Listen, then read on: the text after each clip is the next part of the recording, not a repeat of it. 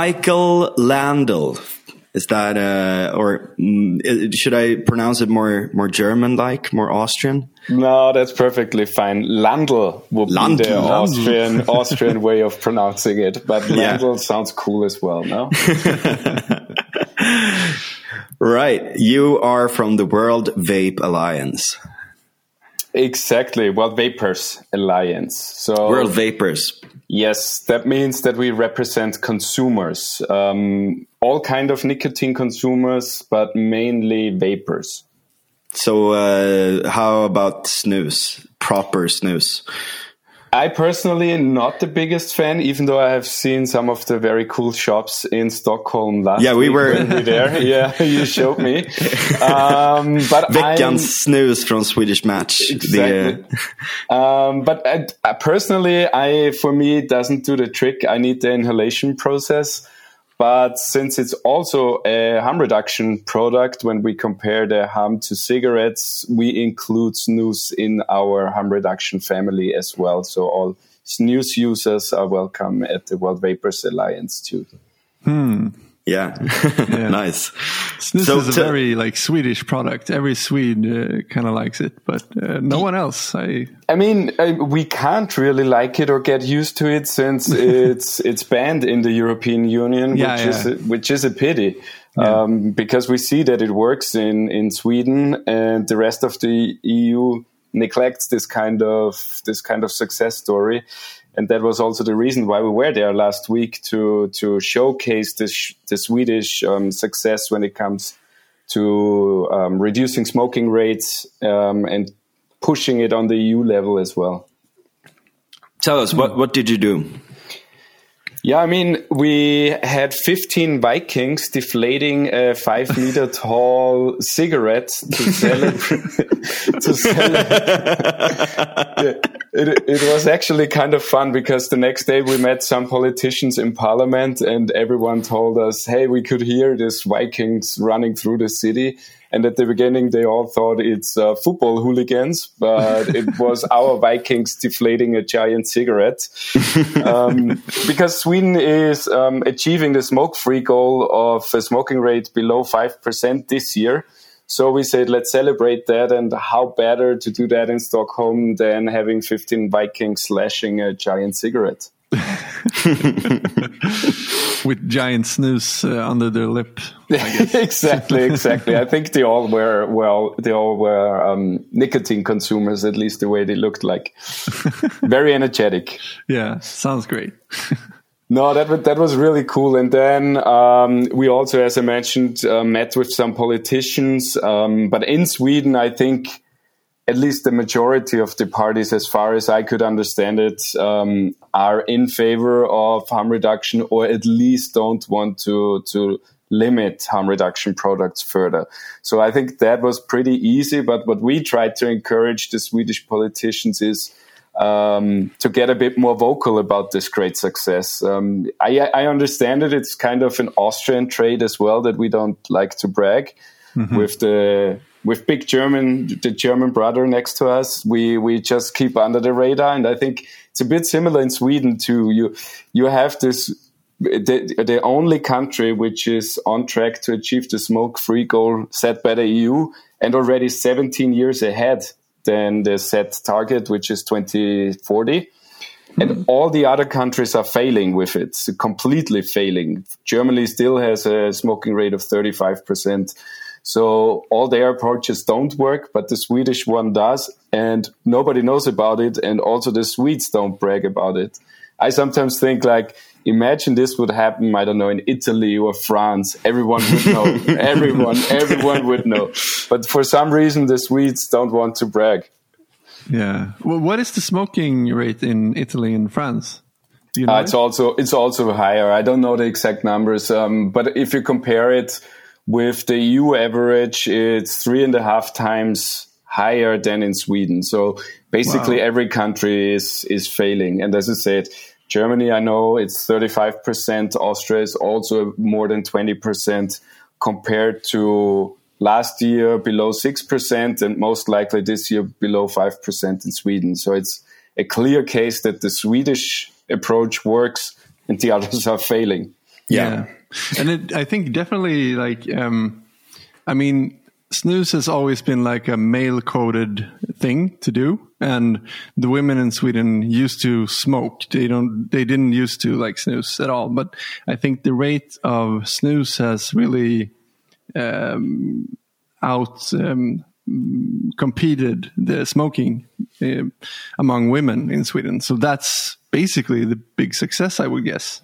Yeah, and I mean, I, what I've heard a lot when when I was in Sweden, and we talked to a lot of um, stakeholders and the community vape shop owners, um, and what they all said is that in Sweden, especially women start to vape who want to quit smoking because mm. as for the stigma you said this working class kind of dirty snus thingy um, that in Sweden women start to vape a lot um, for, for, as a as a smoking cessation aid, and which is kind of interesting because with the nicotine pouches in many other countries it's right, uh, exactly the opposite.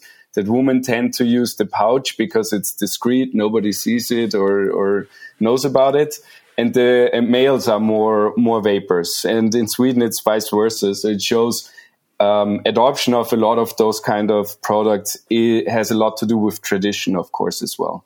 Yeah, yeah. Absolutely. There are a lot of uh, people who, um, a lot of women who uh, snooze as well, especially the small, tiny packages. Yeah. Nowadays, I mean, when I grew up, I, I, there were no women snoozing, mm. but maybe that has to do with uh, it was a lot of, um, we used the pouches now nowadays, but I, I didn't think they existed when I was a kid. I don't know. Um, the small ones. Yeah, but even pouches like no, no, they are pretty new. They are pretty yeah, new, yeah. actually. Yeah. So yeah, maybe that has something to do with it. Yeah. Yeah, probably. And I mean, it's this this stigmatization we saw a lot. We're still seeing a lot of country this kind of um, approach with smokers. You know, they are low class, uneducated, poor, or whatever this this kind of um, um, prejudices are they they actually hurt a lot because then those people feel ashamed, kind of, um, but also can't quit, and then they can't get help. Um, so that's a big problem, and uh, I think it's a great story to hear in Sweden that this stigmatization. Um, when it comes to snus ended. So I hope that will end with other products as well, because then people are freer to to to choose. And obviously, it's always works better to have um, voluntarily path away from cigarettes than telling from government side uh, adults like being like small kids oh you can't smoke and you're dirty if you smoke don't do it quit um, without realizing that this is not how it works in in real life yeah i mean yeah. a lot of people that has like a bad self-image rather go that path if people say like you're a bad person if you smoke then people with a bad self image will probably drift towards that. So it's, it's, probably not a good idea to tell kids that. It, yeah, and I mean it's it's always the it's probably in all policy areas kind of like this that um, promoting a better alternative is better than banning the bad alternative. Yeah, um, because we saw it from from history, and also I think if you if you exaggerate risks or dangers of some products that that makes it more appealing for for certain people which obviously is also not the best thing. If if somebody is not a smoker not using nicotine obviously the best thing is not to start. But a lot of people do already. So our goal is to help them to find the um, least harmful way of consumption. And I think with, with hard drugs, this is an accepted approach. And we have all these needle exchanges and those kind of programs pretty much in mainstream nowadays. But when it comes to smoking, for some reason, harm reduction doesn't exist for a lot of people anymore. They tell people you have to quit. And if you quit the wrong way, which means with vaping or snus or pouches, then it's not quitting. But if you if you failed, then the only option is to die, basically. Yeah. And I think that's not a sensible approach. And luckily, Sweden is not doing it that way, but to allow these other products to be on the market and have some kind of um, risk based regulation. Which is helping. And I think the interesting case when you look at the numbers is that the average nicotine consumption in Sweden is basically uh, on the average of other EU countries. Exactly. But when it, Yeah. and when it comes to, to smoking related um, deaths, then it's more than 20% lower. So it shows that the form of consumption is the key to reduce um, smoking induced illnesses or improve public health and not banning everything and say, tell people don't use nicotine at all. I mean, this kind of policies, they just don't work. Yeah, exactly. Yeah, exactly. It's it's very very weird that you have this sort of almost religious um, notion of temperance and of uh, purity and um, um, yeah, like you're a heretic if you want to use nicotine or something, you know. Yeah, it's it's this nanny state mentality. I think it's a mixture of a lot of things. I think a lot of politicians still perceive people as too dumb to decide for their, uh, for themselves. Yeah. But also when it comes, especially to this um, tobacco harm reduction and the new products, there's just so much uh, misinformation or lack of of knowledge within the policy field. So. Um, I mean, in Sweden, I think it's not that that um, far-reaching, but in other countries, you know, imagine a, a, vaper. They see something coming out of their mouth which looks like um, smoke, and they immediately think, "Oh, that's the same as smoking, so it must be as harmful, and let's regulate it the same." Mm. so that's the knee-jerk reaction, I would say. Um, and I think it's not that most politicians hate vaping per se or want to ban it. They just don't understand it. And we see that a lot when we work on the EU level, where mm. we do a lot of um, campaigns and, and engagement with decision makers, that a lot of lack of knowledge is there. You always have those who want to ban everything and the, the Puritans who say oh, all nicotine consumption, alcohol, everything bad. Um, but the majority is still kind of open and would, even if you say, think from a let's improve public health perspective, no matter with what or how, it, there is no scenario where, where it could be worse um, to switch from smoking to vaping. So it's crystal clear that that would improve public health. The more people would switch to other products than smoking. Um, and it sounds so simple, but unfortunately, in policy debates, it's never that simple, as you know. Yeah, but like, how are people in in the European Parliament or like those institutions looking at these questions right now? I mean, it's always complicated with the EU. It's it's the usual thing. So right now there is a big discussion about the tobacco products directive which basically regulates everything relevant to uh, cigarettes but also other nicotine forms and then the process is normally that the eu commission um, presents a draft of their updated legislation and then you have member states and the parliament um, negotiating um, at the moment we still don't even know the, the first draft from the commission but historically, we know that the Commission is very hostile against harm reduction and, and all kind of nicotine products. So what we expect is um, a, a, kind of um, how do you call that? Uh, a, a, strict draft where they will try to implement new regulation and maybe even some form of bans um, in it.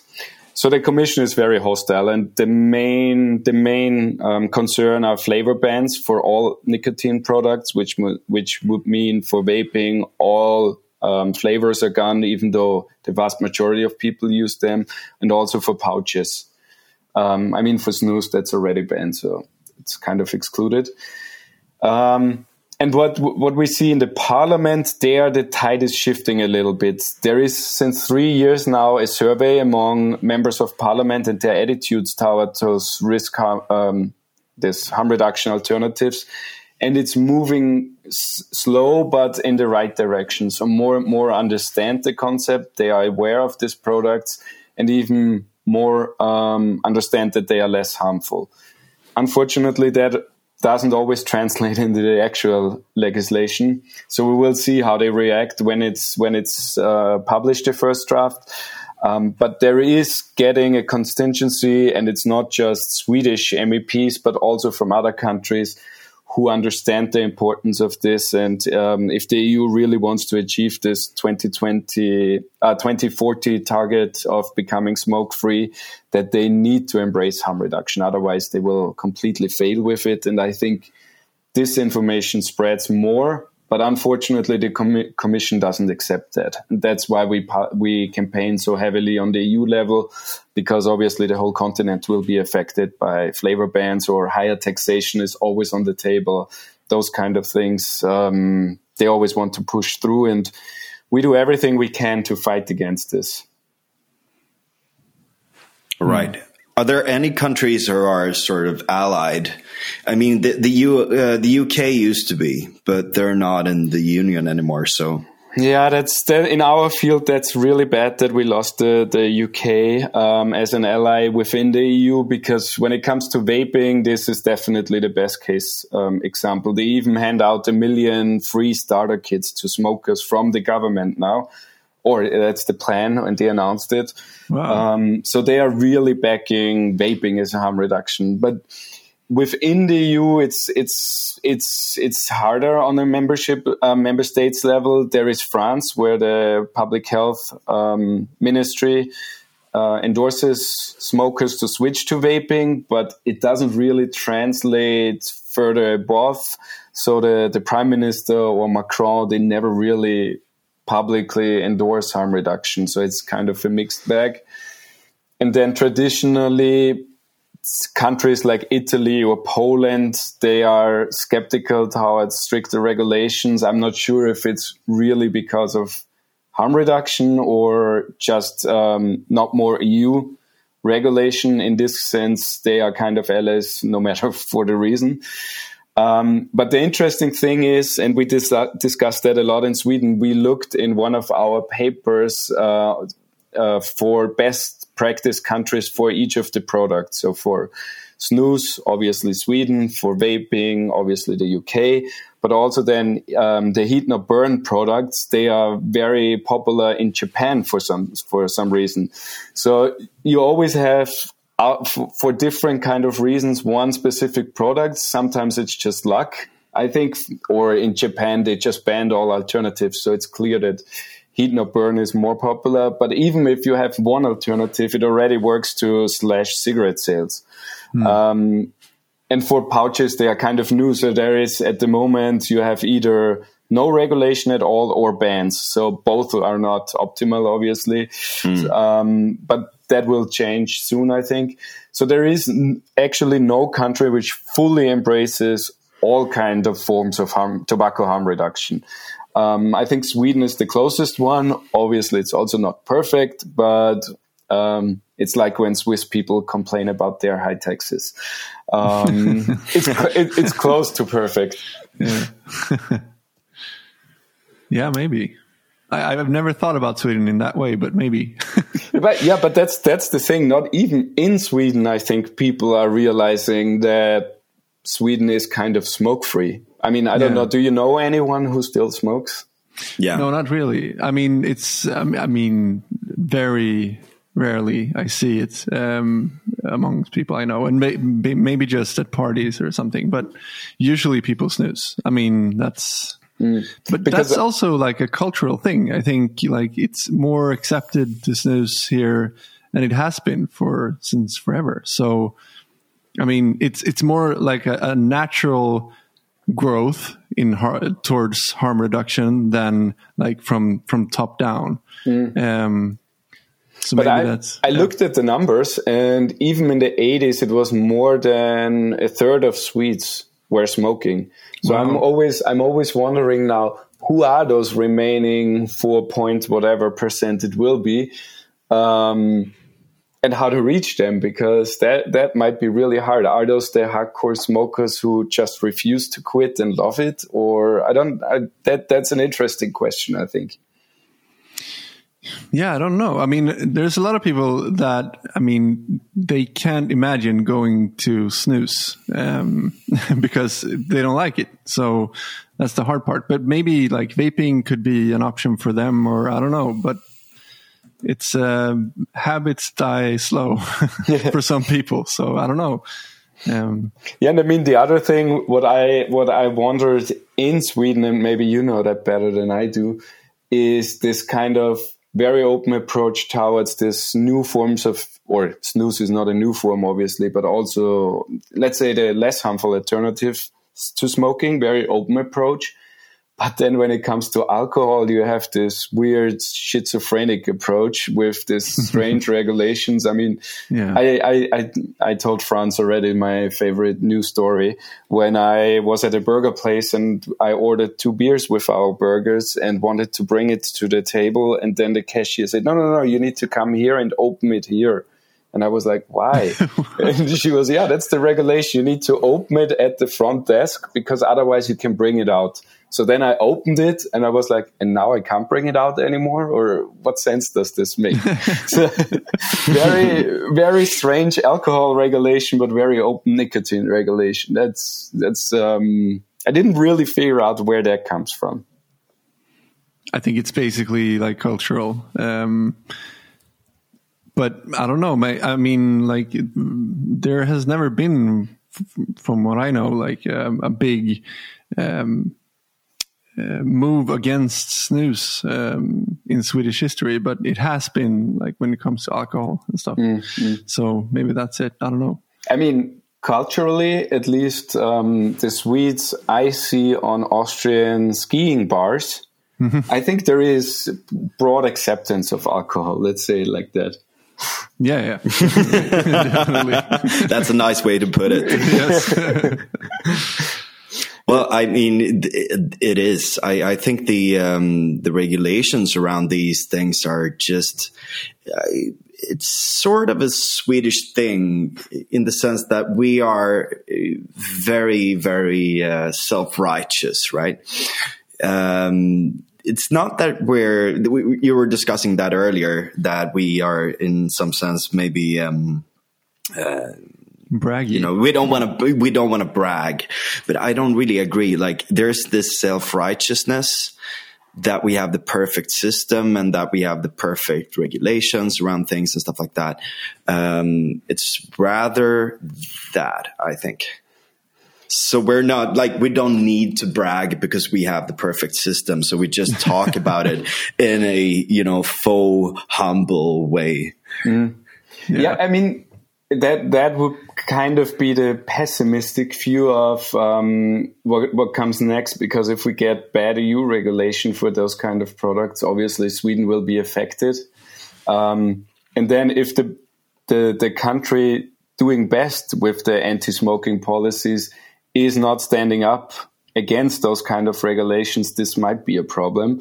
But what gives me hope is when la- I think it was last year, end of last year or beginning of this year, um, a proposal was leaked from the EU Commission for increasing taxes on nicotine alternatives. Yeah. And they didn't exclude snus, and then you they they got a shitstorm basically from every level, from Yeah. the Swedish commissioner down to probably every member of parliament and and even re- re- regional politicians. Everyone was like, "No, that no way in hell we accept that. That can't be."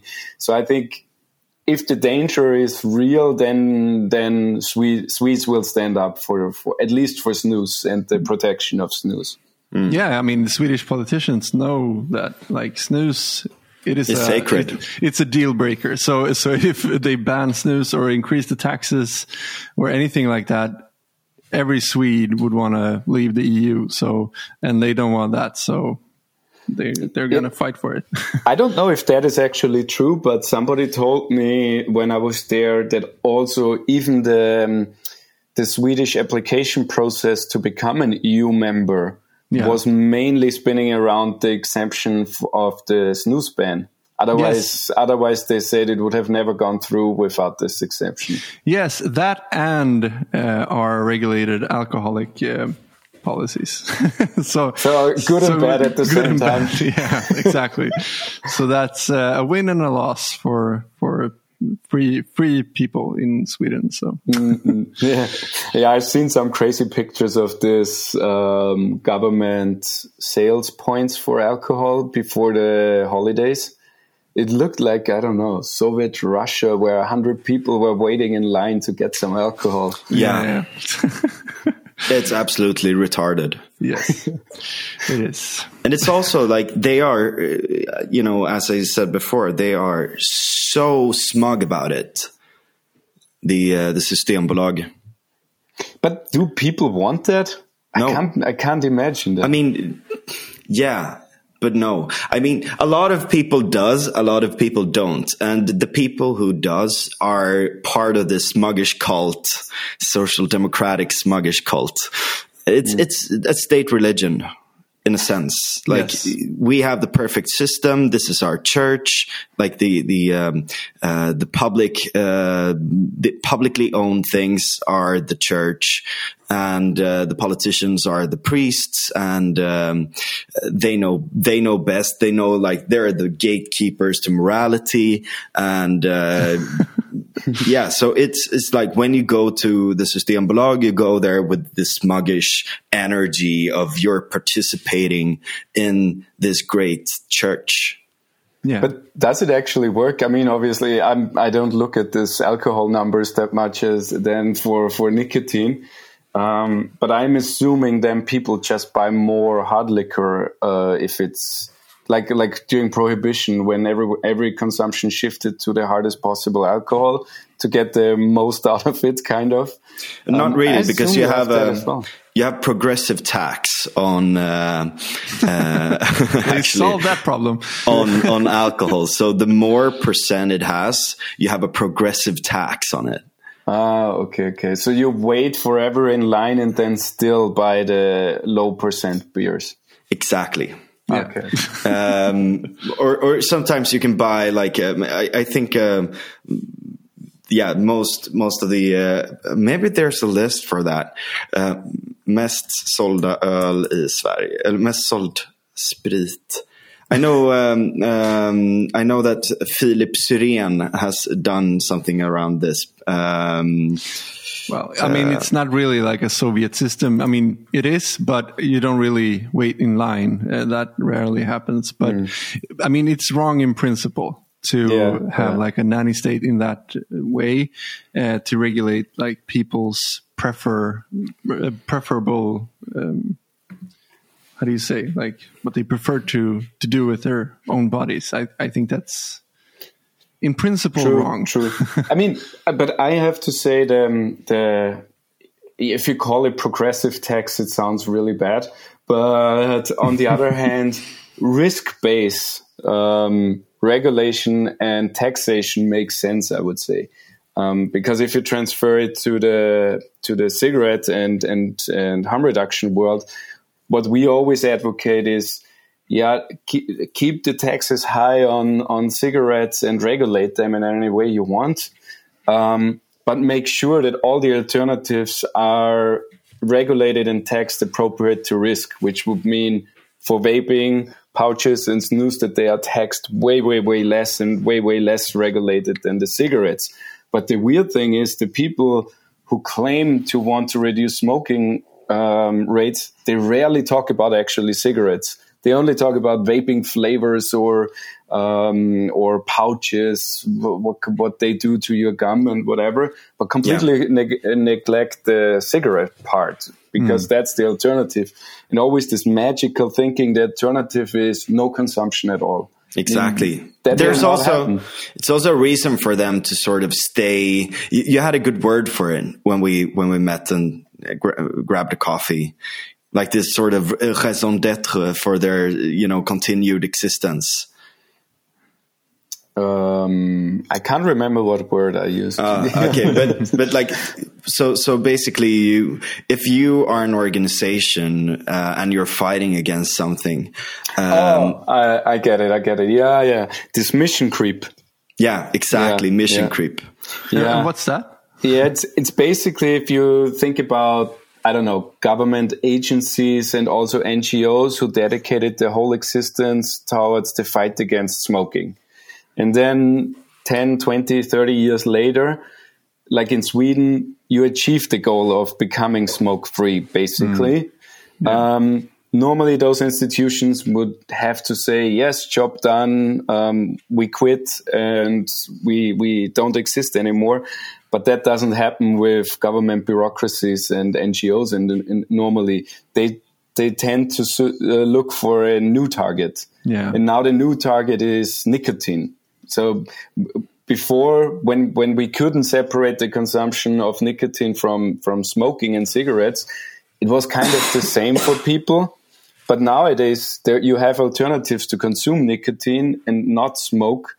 Um, so and nobody in sweden almost nobody smokes anymore so and then they say okay they don't say job done we are happy now they say oh but nicotine is a problem as well so we need to fight against nicotine yeah. Um, so that's kind of this mission creep to moving from one mission, reducing smoking, to a completely new mission, reducing nicotine consumption, which is definitely not the same because it has not the same consequences. Yeah.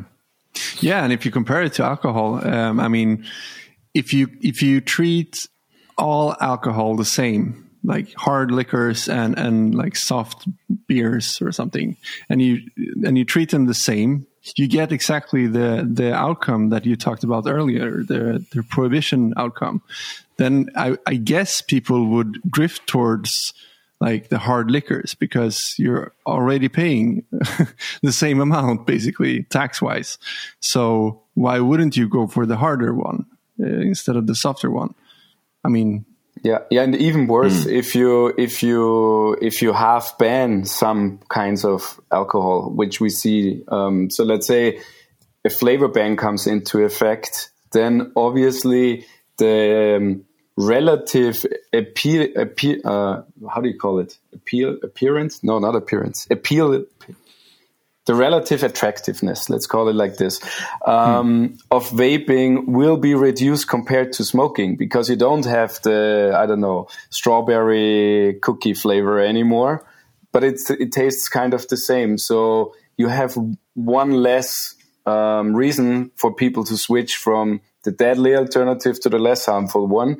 And if you regu- you can regulate products to death, and the flavor ban kind of would be the same and I think with alcohol you can see it as well. Um, obviously, if you make it hard to obtain alcohol in general, people will gravitate towards the most potent one.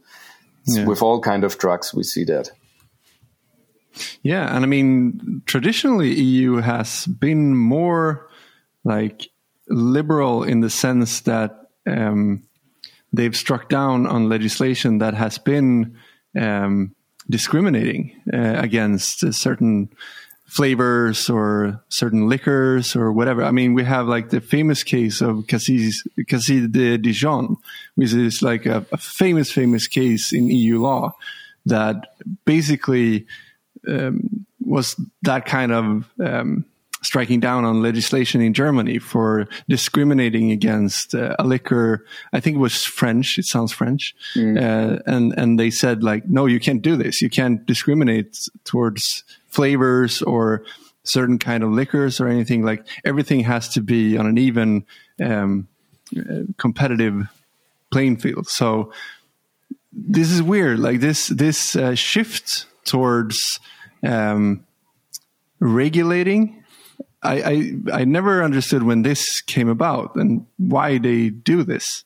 Yeah, uh, probably we are back to tradition again. If if you would tell an Austrian, oh, we need to regulate, I don't know, beer and wine stricter because um, of the illnesses it creates or the dangers, people wouldn't accept that. But if you talk to them about snus, nobody has an idea. So it's kind of the yeah. traditional form of I don't know consumption certain certain things I think plays a lot in there. And also if you have the tradition the knowledge is higher. So people know and understand oh mm-hmm. what is a beer what is wine what is schnapps but they don't understand you have smoking you have nicotine pouches and uh, and heat and what else. Um, so I think it's it's kind of a mixture of tradition um, coupled with information and misinformation about certain things. Yeah, and obviously that. I mean, yeah, the sorry, politician, sorry, the politicians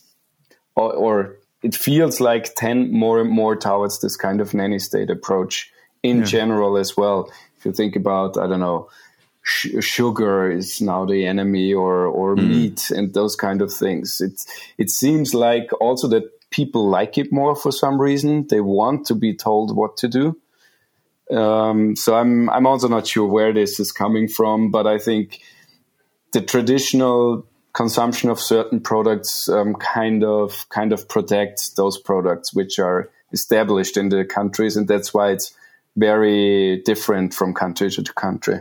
Yeah, mm. and also I think it starts with like the member states because uh, from what I understand, the only like um, tool that the EU has to um, regulate this kind of stuff is when member states um, apply different rules. Like they they had, I mean, the member states can um, have rules regarding public health, so they in and of themselves can decide like no we snus is banned in this country and maybe another state says vaping is banned in this country and then eu can come in and say like okay baby maybe we should like harmonize the market. So we we ban everything. So that's uh, the problem is is gone now. We don't have any problems. So i mean it starts in a weird way in in the member states. So we have to like um, the the public mind is the starting point. I think uh, to make people more aware of the the positive uh, alternatives to smoking. I think that's the starting point. I, I would say. I don't know. I mean, I'm, you're obviously much better at yeah, this. Yeah, I would. I would I would also say because the accountability of politicians is also higher. They are way closer to their voters and not that far away. Yeah. And I think we see this problem, especially with the EU Commission. Um, obviously, they are not directly voted from from voters, so there is not this direct accountability, and it's it makes it also really hard to to engage them into the, in, in, discussions, and they refuse even to talk to the most well-known public health experts about about harm reduction, and yeah. only listen to one side, um, and you can't do anything about it. And that's also why we, as a consumer organization, we focus on the European Parliament, where our representatives are sitting Obviously, mm. they are also further away than than our national or even regional politicians, but still, they want to get voted in again. So they have um, some interest in listening to consumers and their concerns as well. Um, and I think that works. And and I used to work in the German Parliament before, and I always mm. thought like, oh, if some random person writes emails to a politician, they will delete it and never read it but actually that makes a difference. If 50 people send uh, to a politician about their personal story, how they quit smoking with one of those alternative products, that changes because then the politician will look into the issue and see, oh, that's actually an issue which a lot of voters bring up. And even if they don't care and just think from a, from a self-preserving perspective, they should think, those people should vote for me. So let's see what's the potential there. Yeah. Um, so I think you're right that we need to hold our representatives accountable for their actions in all fields, obviously, but especially in those niche fields where I fully understand that not everyone is an expert. Yeah. Yeah, definitely. Yeah. I, I just want to say that I found the the list yeah, okay, let's go. Uh, so uh, Systembolagets uh, most sold um, articles of 2022 is uh, Abro number one. Uh, then it's, it's a beer. Yeah, it's a beer. Norrlands Guld Export 5,3 procent. 50 centiliter. Långburk, as we call it. The long can. Um, and the, the same one, but 33 centiliters. Uh, then it's Sofiero Långburk and Mariestad Långburk. Uh, so it's soft, soft beers, pretty much. Yeah. So uh, the 35 most sold articles per liter is beer. And uh, at uh, number 36 it's a red wine and it's um, lisa 1503 which is uh, has a picture of mona lisa on it. So it's extremely tacky. It's probably probably tastes like shit. And then there's like the bag-in-box wines that are um, like a cheap wine that has a lot of sugar in it to actually taste good. Yeah. so uh, yeah that's the uh, that's what we get when we get protected by the Systembolaget. So Sweden is not a wine country. I mean, we are, but uh, maybe not in the sense of uh, fine dining, like the fine wine culture. Yeah, but We I mean, like wine. We don't have good taste. That's all. But that's it- also, yeah, sorry. On the other hand, it shows since there is no hard liquor in the top 30, or what was it, um, that this kind of risk based taxation actually works. So, Well, without- yeah and no because it's per liter. Um so uh, the uh, there's a lot of uh, a lot of vodka, especially that are being sold. Absolut vodka. There's a, a brand called Ordinary Vodka, vanlig vodka, uh, Explorer vodka, and then there are some like yeah other ones.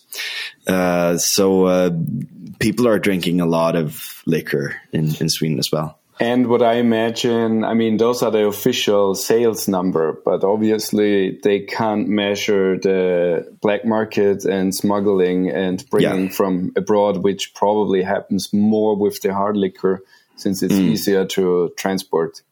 You know, Yeah. that's um, I mean, a lot of hard liquor is being bought in both uh, Denmark and and uh, Germany.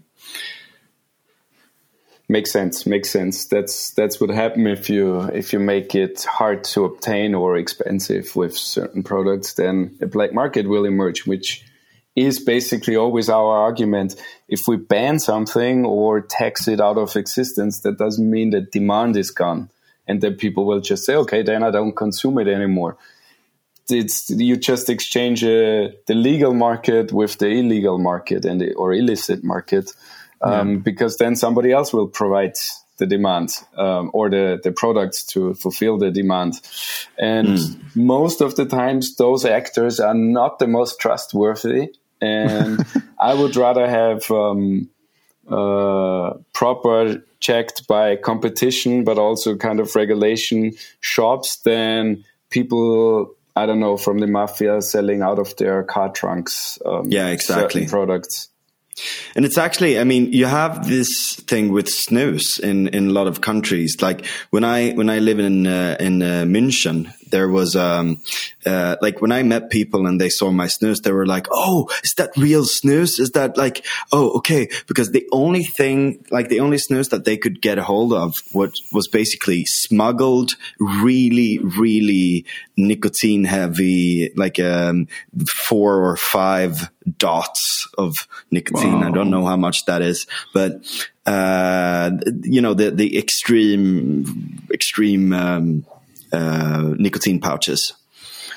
Yeah, I mean that's always the case. I told you the, my favorite story about Thailand that um, they legalized weed um, and banned all vaping, and you go up to five years to prison for vaping, which is ridiculous. yeah, It's crazy. So It's stupid. Completely. I mean, I have to say nobody so far actually was sentenced to prison, but you know, if you have a law on paper, then it's a question of time till somebody will apply it somewhere.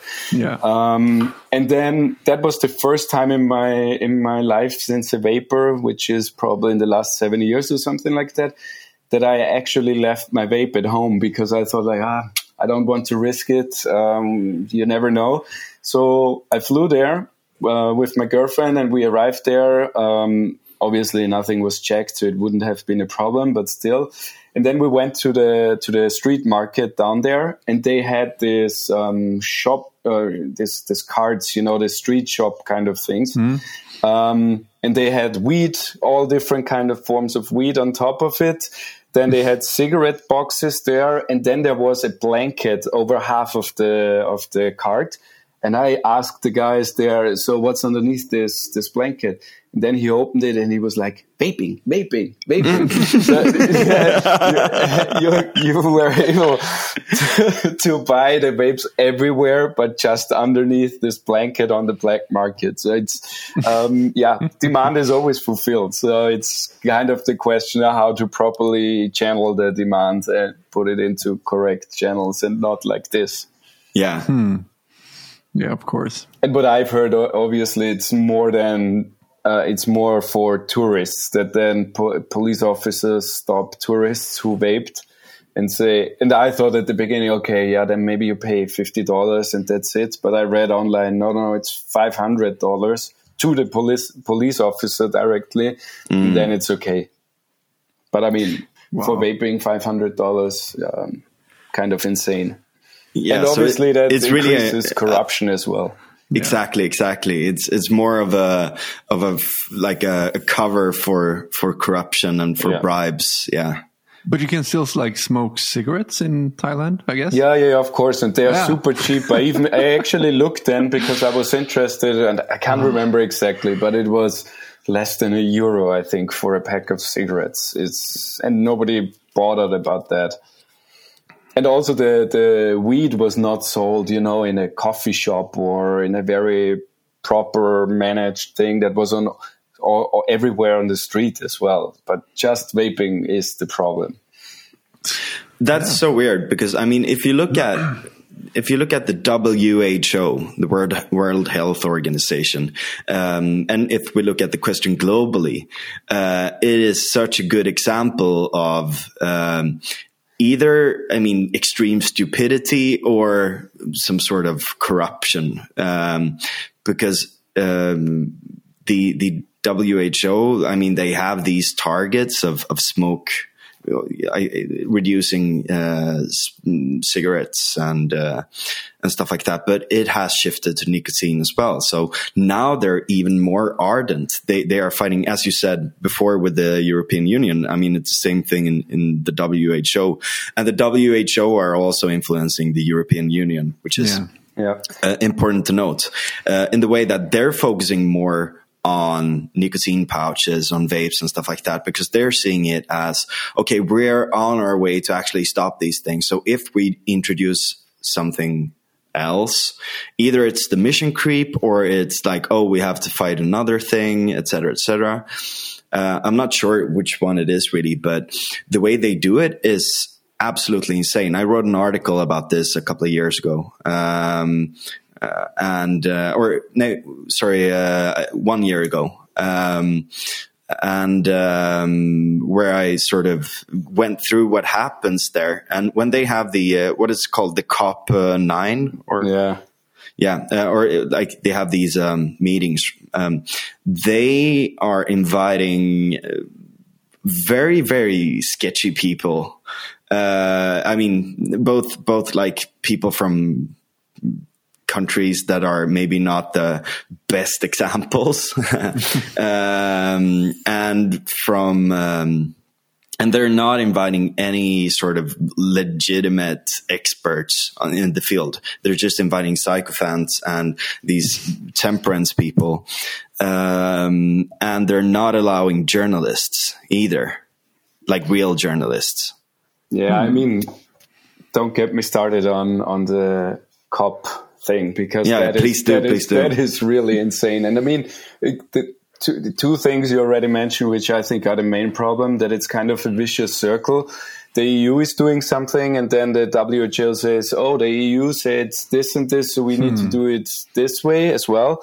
and the other way around too. So it's kind of a vicious regulatory circle where they reference each other and everyone accepts it. And this is especially problematic in, in middle and low income countries um, like Thailand who don't have the resources to do, I don't know, um, 15 stu- studies on every product on their own. They just rely on the WHO. And if they hear, oh, vaping is bad, then they ban it and then they get an international applause from WHO and say, oh, Thailand is so great, they do that. um, then then they just follow their lead, and that has then real life um, consequences for all the smokers there. If smoking is so cheap and all the alternatives are banned, obviously that's a public health problem. But nevertheless, they get the you know the clap on the shoulder from the WHO because they banned vaping. Same with India; they also completely banned vaping um, due to the yeah pressure or encouragement from WHO. So that is that is a huge problem. And then with COP, I mean that's not technically WHO, that's the FCTC, the uh, Framework Convention on Tobacco Control. Um, but they are supported by the WHO, and one of their main funders is Michael Bloomberg, who is the biggest nanny state advocate who you can imagine. It's the guy who wanted to ban big soda cans or not cans. Um, uh, what is it called? The cups, big soda cups in New York City because mm. um, too much Coke Coca Cola is bad or something like that. And yeah, he he's also, insane. Yeah, he is completely insane, and he also hates vaping for some reason, um, and and funds you know this tobacco free kids and those kind of organizations are also funded by him and also the the FCTC who is organizing this kind of conferences. Um, so I assume he has a big influence in there. But what what is really um, sorry or bad about this, or the, the sad part about this, um, is that, for example, the UK is the biggest na- nation state funder of this organization and they also don't stand up because as you say there is no accountability there is no publicity there it's just closed door bureaucrats who are sent from national governments and then they applaud each other what they banned um, so it, it, doesn't even pay off if the UK delegate would stand up and say, "Hey, we are against this," because nobody would know. He would just be hated by all of his cocktail party friends. So it's it's a really shady um, organization or, or form of conference because there's no transparency, no accountability. They block every every consumer, everyone who ever touched a vape is considered big tobacco funded or whatever, except of the national governments who a lot of them still owned to own tobacco companies like China. Um, they are fine, but everyone else who ever used a vape or something like that um, can't be there, can't listen in, no journalists. Um, and I think that's a big problem, especially for low and middle income countries, because, um, I mean, yeah, in Europe, the WHO's influence is not that big, I would say, but in other countries, it's very big. Yeah. Yeah. Absolutely, and and these NGOs are also uh, nota bene founded by um, a lot of the health, Ministry of Health. Uh, the, the, ministries of health in different countries and stuff like that as well. So there, there's a lot of there's this strange alliance. Uh, it, it, it's the same in Sweden. I mean, uh, the um, a non-smoking generation, uh, Tobaksfakta, and uh, these kinds of organizations are directly funded by uh, the Ministry of Health. Should we even call them NGOs anymore? I yeah, mean, exactly. That's I mean, the thing. They're not NGOs. They are pseudo-state uh, propaganda organizations, yes, and it's exactly. the same thing with a lot of others uh, as well. I mean, if you look at uh, organizations like uh, the civil rights defenders in Sweden, they are getting a lot of funding from from the state, and they yeah. actually sent a mail home warning people about the new government. Uh, what? So wait, yeah, yeah, yeah. They were like, yeah, democracy is going to die with this new government, basically. Wow. Okay. Uh, so like all of these NGOs can yeah i was about to say something pretty controversial but uh, they, they, are they're not NGOs and they're bullshitters. They're like professional bullshitters and propagandists, basically, a lot of them. Yeah, I just looked it up to get the title right because there is one great uh, paper from Christopher Snowdon in the UK and he called it Sock Puppets How the Government Lobbies Itself and Why. Um, yeah. and th- that actually summarizes already the content of it. That's that's obviously mm. a problem. Um, I know it from this. Um, some people always call it the organ organizations. You know, foundation for heart and lung and whatever. Everything uh, is touched, and they're all hugely funded by the same sources, namely the government mainly, or then Michael Bloomberg comes in and funds them as well. um, and obviously, that's not full independence and and objectivity. Then, um, mm. which I don't care about a private organization, but if they call themselves NGO, then um, but then do whatever they they they are told to do, then it's definitely non-government. It's not non-governmental organization mm. anymore. Yeah. And especially, I think that the organization itself, I think, is not the huge problem, but the politicians then, because then they a, have an incentive. Uh, whatever they want to do, let's get some taxpayer money, give it to an organization. They will campaign for that, and then I will do that because the general public wants it. Um, and it has nothing to do with the actual general public anymore, which is also from a democratic perspective problematic. Mm. Yeah. Yeah, and, and I think one of the funniest examples when they actually fund themselves is the temperance movement IOGT-NTO in in uh, in Sweden. So they uh, and actually uh, the Social Democrats um, share um, the the shares in uh, I guess in they have they have a, a, shared ownership of a lot of lottery companies uh, that doesn't because they are in sort of um, förening, uh, which is um, uh, a association. They don't need to pay taxes on on their earnings. So and they don't abide by the same rules as well. So what they can do is that they can sell uh, lotteries uh, s- sell them uh, by credit. So like you buy the lotteries on credit um, even even though you're like you can you can be heavily in debt. You can you can have you know different um, as we say betalningsanmärkningar notices of payment. It's hard to translate these words. Um, like uh, when you're already in bankruptcy you still can get credit for the lottery or yeah yeah, yeah exactly. practically yeah uh, and and they have also uh, have a, had a very very aggressive predatory way of selling them. So they call really old people. We're talking 80, 90 years old, you know, and they sell uh, these lotteries uh, to to these old people and says like, well, you know, my uh, my grandmother, she is uh, uh, she's poor and she's a pen, uh, pensioner uh, pensioner as well, and uh, she's retired, you know, and yeah, but she told me she buys these lotteries because it's like buying a cup of coffee and a cinnamon bun at your local cafe, you know. so they're using these made up stories to get some sort of legitimacy and, you know, like, uh, you know, to get on like a more social level with these people, these old people. And these old people sometimes are just glad someone's calling, you know? So they're using that to sell their fucking lottery tickets. Um, and they don't pay taxes for it.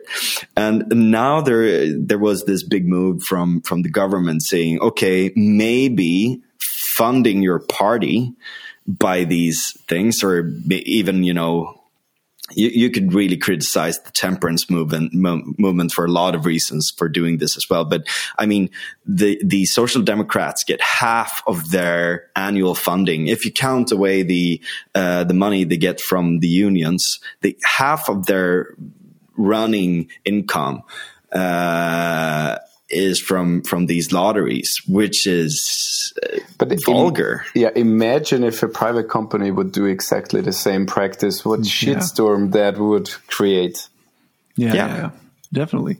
Especially and from you know the at the Social same Democrats. yeah and, and the social democrats has had a huge campaign against other lottery uh, and, and casinos as well saying they need to pay taxes in, they Yeah, need to yeah, pay yeah. taxes in sweden they need to abide by the rules blah blah blah blah blah at always- the same time they're not Always the stupid competition that ruins the business. fucking mafia yeah, this is exactly what it is. and and the thing is that like if if you're if you're a party I'm, I'm not going to go too much into this, but like if, if you're a party and you want to have people in your movement, a very good way of doing this is providing uh, opportunities to uh, give them money, right? Uh, in one way or another. So uh, jobs, high positions, stuff like that. So they've built this giant apparatus around these things, but also in a sense the NGOs that they're funding as well. So the NGOs are always sort of self-running machines that are boosting the social democrats messages uh, and fighting against their opponents um, and you know at the same time you have the the this lottery money going into them being able to hire a lot of people and they're appointing people in high positions to uh, yeah they're they're hydra of of different things. And also i mean uh, to be the general director of of um, big uh, ministries and stuff like that as well. So like uh, or state run uh, affairs. So it's really a sort of a bullshit machinery. And it's, I think this really connects to the NGO situation in the, in the broader world Yeah. as well. There seems to be a sort of common theme here. Yeah, and I mean, we see that a lot that this creates a lot of frustration because put yourself into the shoes of a regular consumer who, and we hear that all the time, who smoked for 30, 40 years, then found a way to quit um, smoking. And then being told by media, politicians, all these NGOs, that is not the right way to do it, and um, it's dangerous, and you're part of the problem, blah blah blah. But in his personal life, he realizes all this this benefits, um, improvement of his own health, and sees, okay, that actually works. I don't want to smoke anymore. Obviously, it's not perfect. Living on an Austrian mountain in nature obviously would be the best, but not everyone could do that. Um, and the same is obviously not consuming nicotine is always better than consuming nicotine, but it's the second best thing to compare to smoking. And then being told by this whole machinery, oh, that's not good, that's wrong, you're you're you're part of the problem, and you encourage other people to do it. You what is the, my favorite one? Um, renormalizing the ritual of smoking when you vape and stuff like that. And Yeah. then obviously they, they feel overwhelmed and are like, okay, but I just want to do it because it works for me. Leave me alone. And that, then they s- stop engaging in general policy um, discussions and, and debates, which is kind of a problem because fighting back on that machinery is really hard. And that's what, that's why actually the World Vapers Alliance was established to give all these individual consumers a voice and to unite them and and um, enforce the the strength of every individual voice by creating a community and directing them towards the right channels in the policy debates when it's worth it to raise their voices and where to do that to empower them again against mm. all this all this backlash Sorry, I would that actually- Sorry, I would- always come back to the to the nicotine issue. No, no, of course, of There, course, there, man. I know. There, I feel comf- more comfortable to to talk about then. Of course, it was just not a a lot tangent of, from my not side. a lottery expert, even though we have the same weird situation in Austria where we have a national mono- monopoly, but they want to ban all other forms of gambling. There, I, I, I would say that I would actually contest the uh, the idea that it's uh, naturally better not to um, uh, not to use any form of like nicotine or beer and stuff like that. You're always so controversial.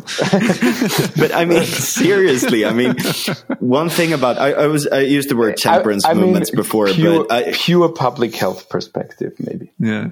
well, yeah, but I mean, even in public health, you need to measure it like from a purely medicinal point. Yeah, sure, but like when when you see see the more holistic picture of like you know sitting outside, taking a beer in the sun, uh, chatting shit with your friends, or you know taking one cigarette or whatever, you know, uh, or taking a snus sometimes or whatever. Like there, there's this thing about like temperance or sobriety movements where it's like they're sitting and like worshiping their, you know, purity and missing out on the party while they're doing it. and I'm not sure if that's like the, the most best way of living your life. no, I, I agree. Uh, I, no, I agree with you. I mean, this this full abstinence kind of thinking doesn't make sense because it's also not part of reality.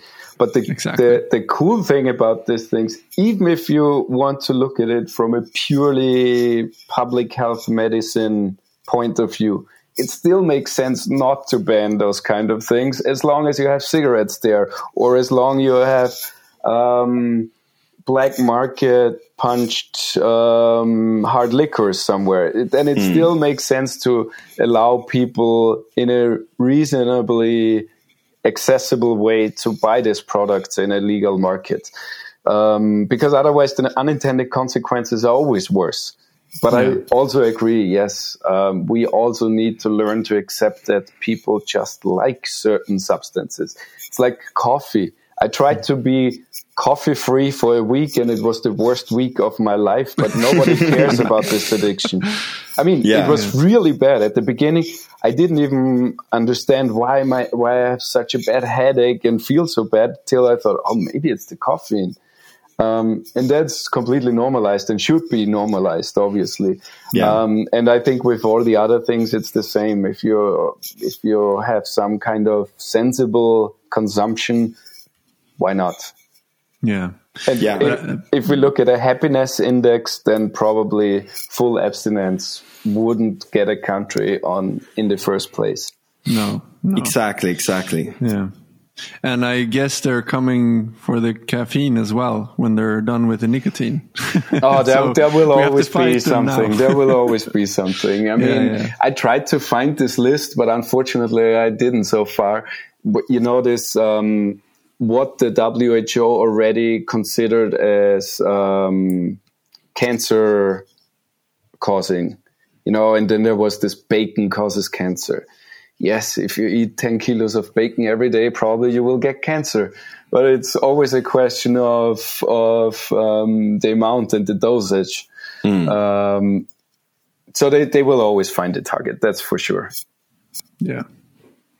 Yeah and it's I, I, mean as as you said there if you look at the happiness index or if you look at whatever i mean I, I, don't think it's a coincidence that people have done these things for thousands of years and i don't think it's purely negative either i mean if it if it, I mean, it's, it's not just, you know, escaping from something. It's not just like numbing yourself. It, it's also a nice, pleasant feeling, right?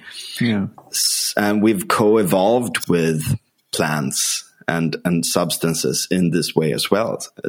So I, I, I really, I, I don't really buy the idea that it's like the harm reduction perspective that it's just harm reduction. I, I think there's actually, and I know this is controversial and, and this is something that is even harder to talk about than, than harm reduction. Harm reduction in itself is actually hard to talk about because people are so frantically, you know, religious about these things. But uh, in, in a way, I think that maybe that discussion would be interesting, even to, to sort of shift the Overton window as well. Like there is, it's nice to have a beer. It's nice to have a snus sometimes, uh, uh, and, and, and these things. And it's, like why should we be ashamed why should we sort of always come up with excuses of why we're doing it like oh yeah it's bad i know but but i'm doing it I, maybe i should stop but blah, blah, blah, blah, blah. fuck that shit man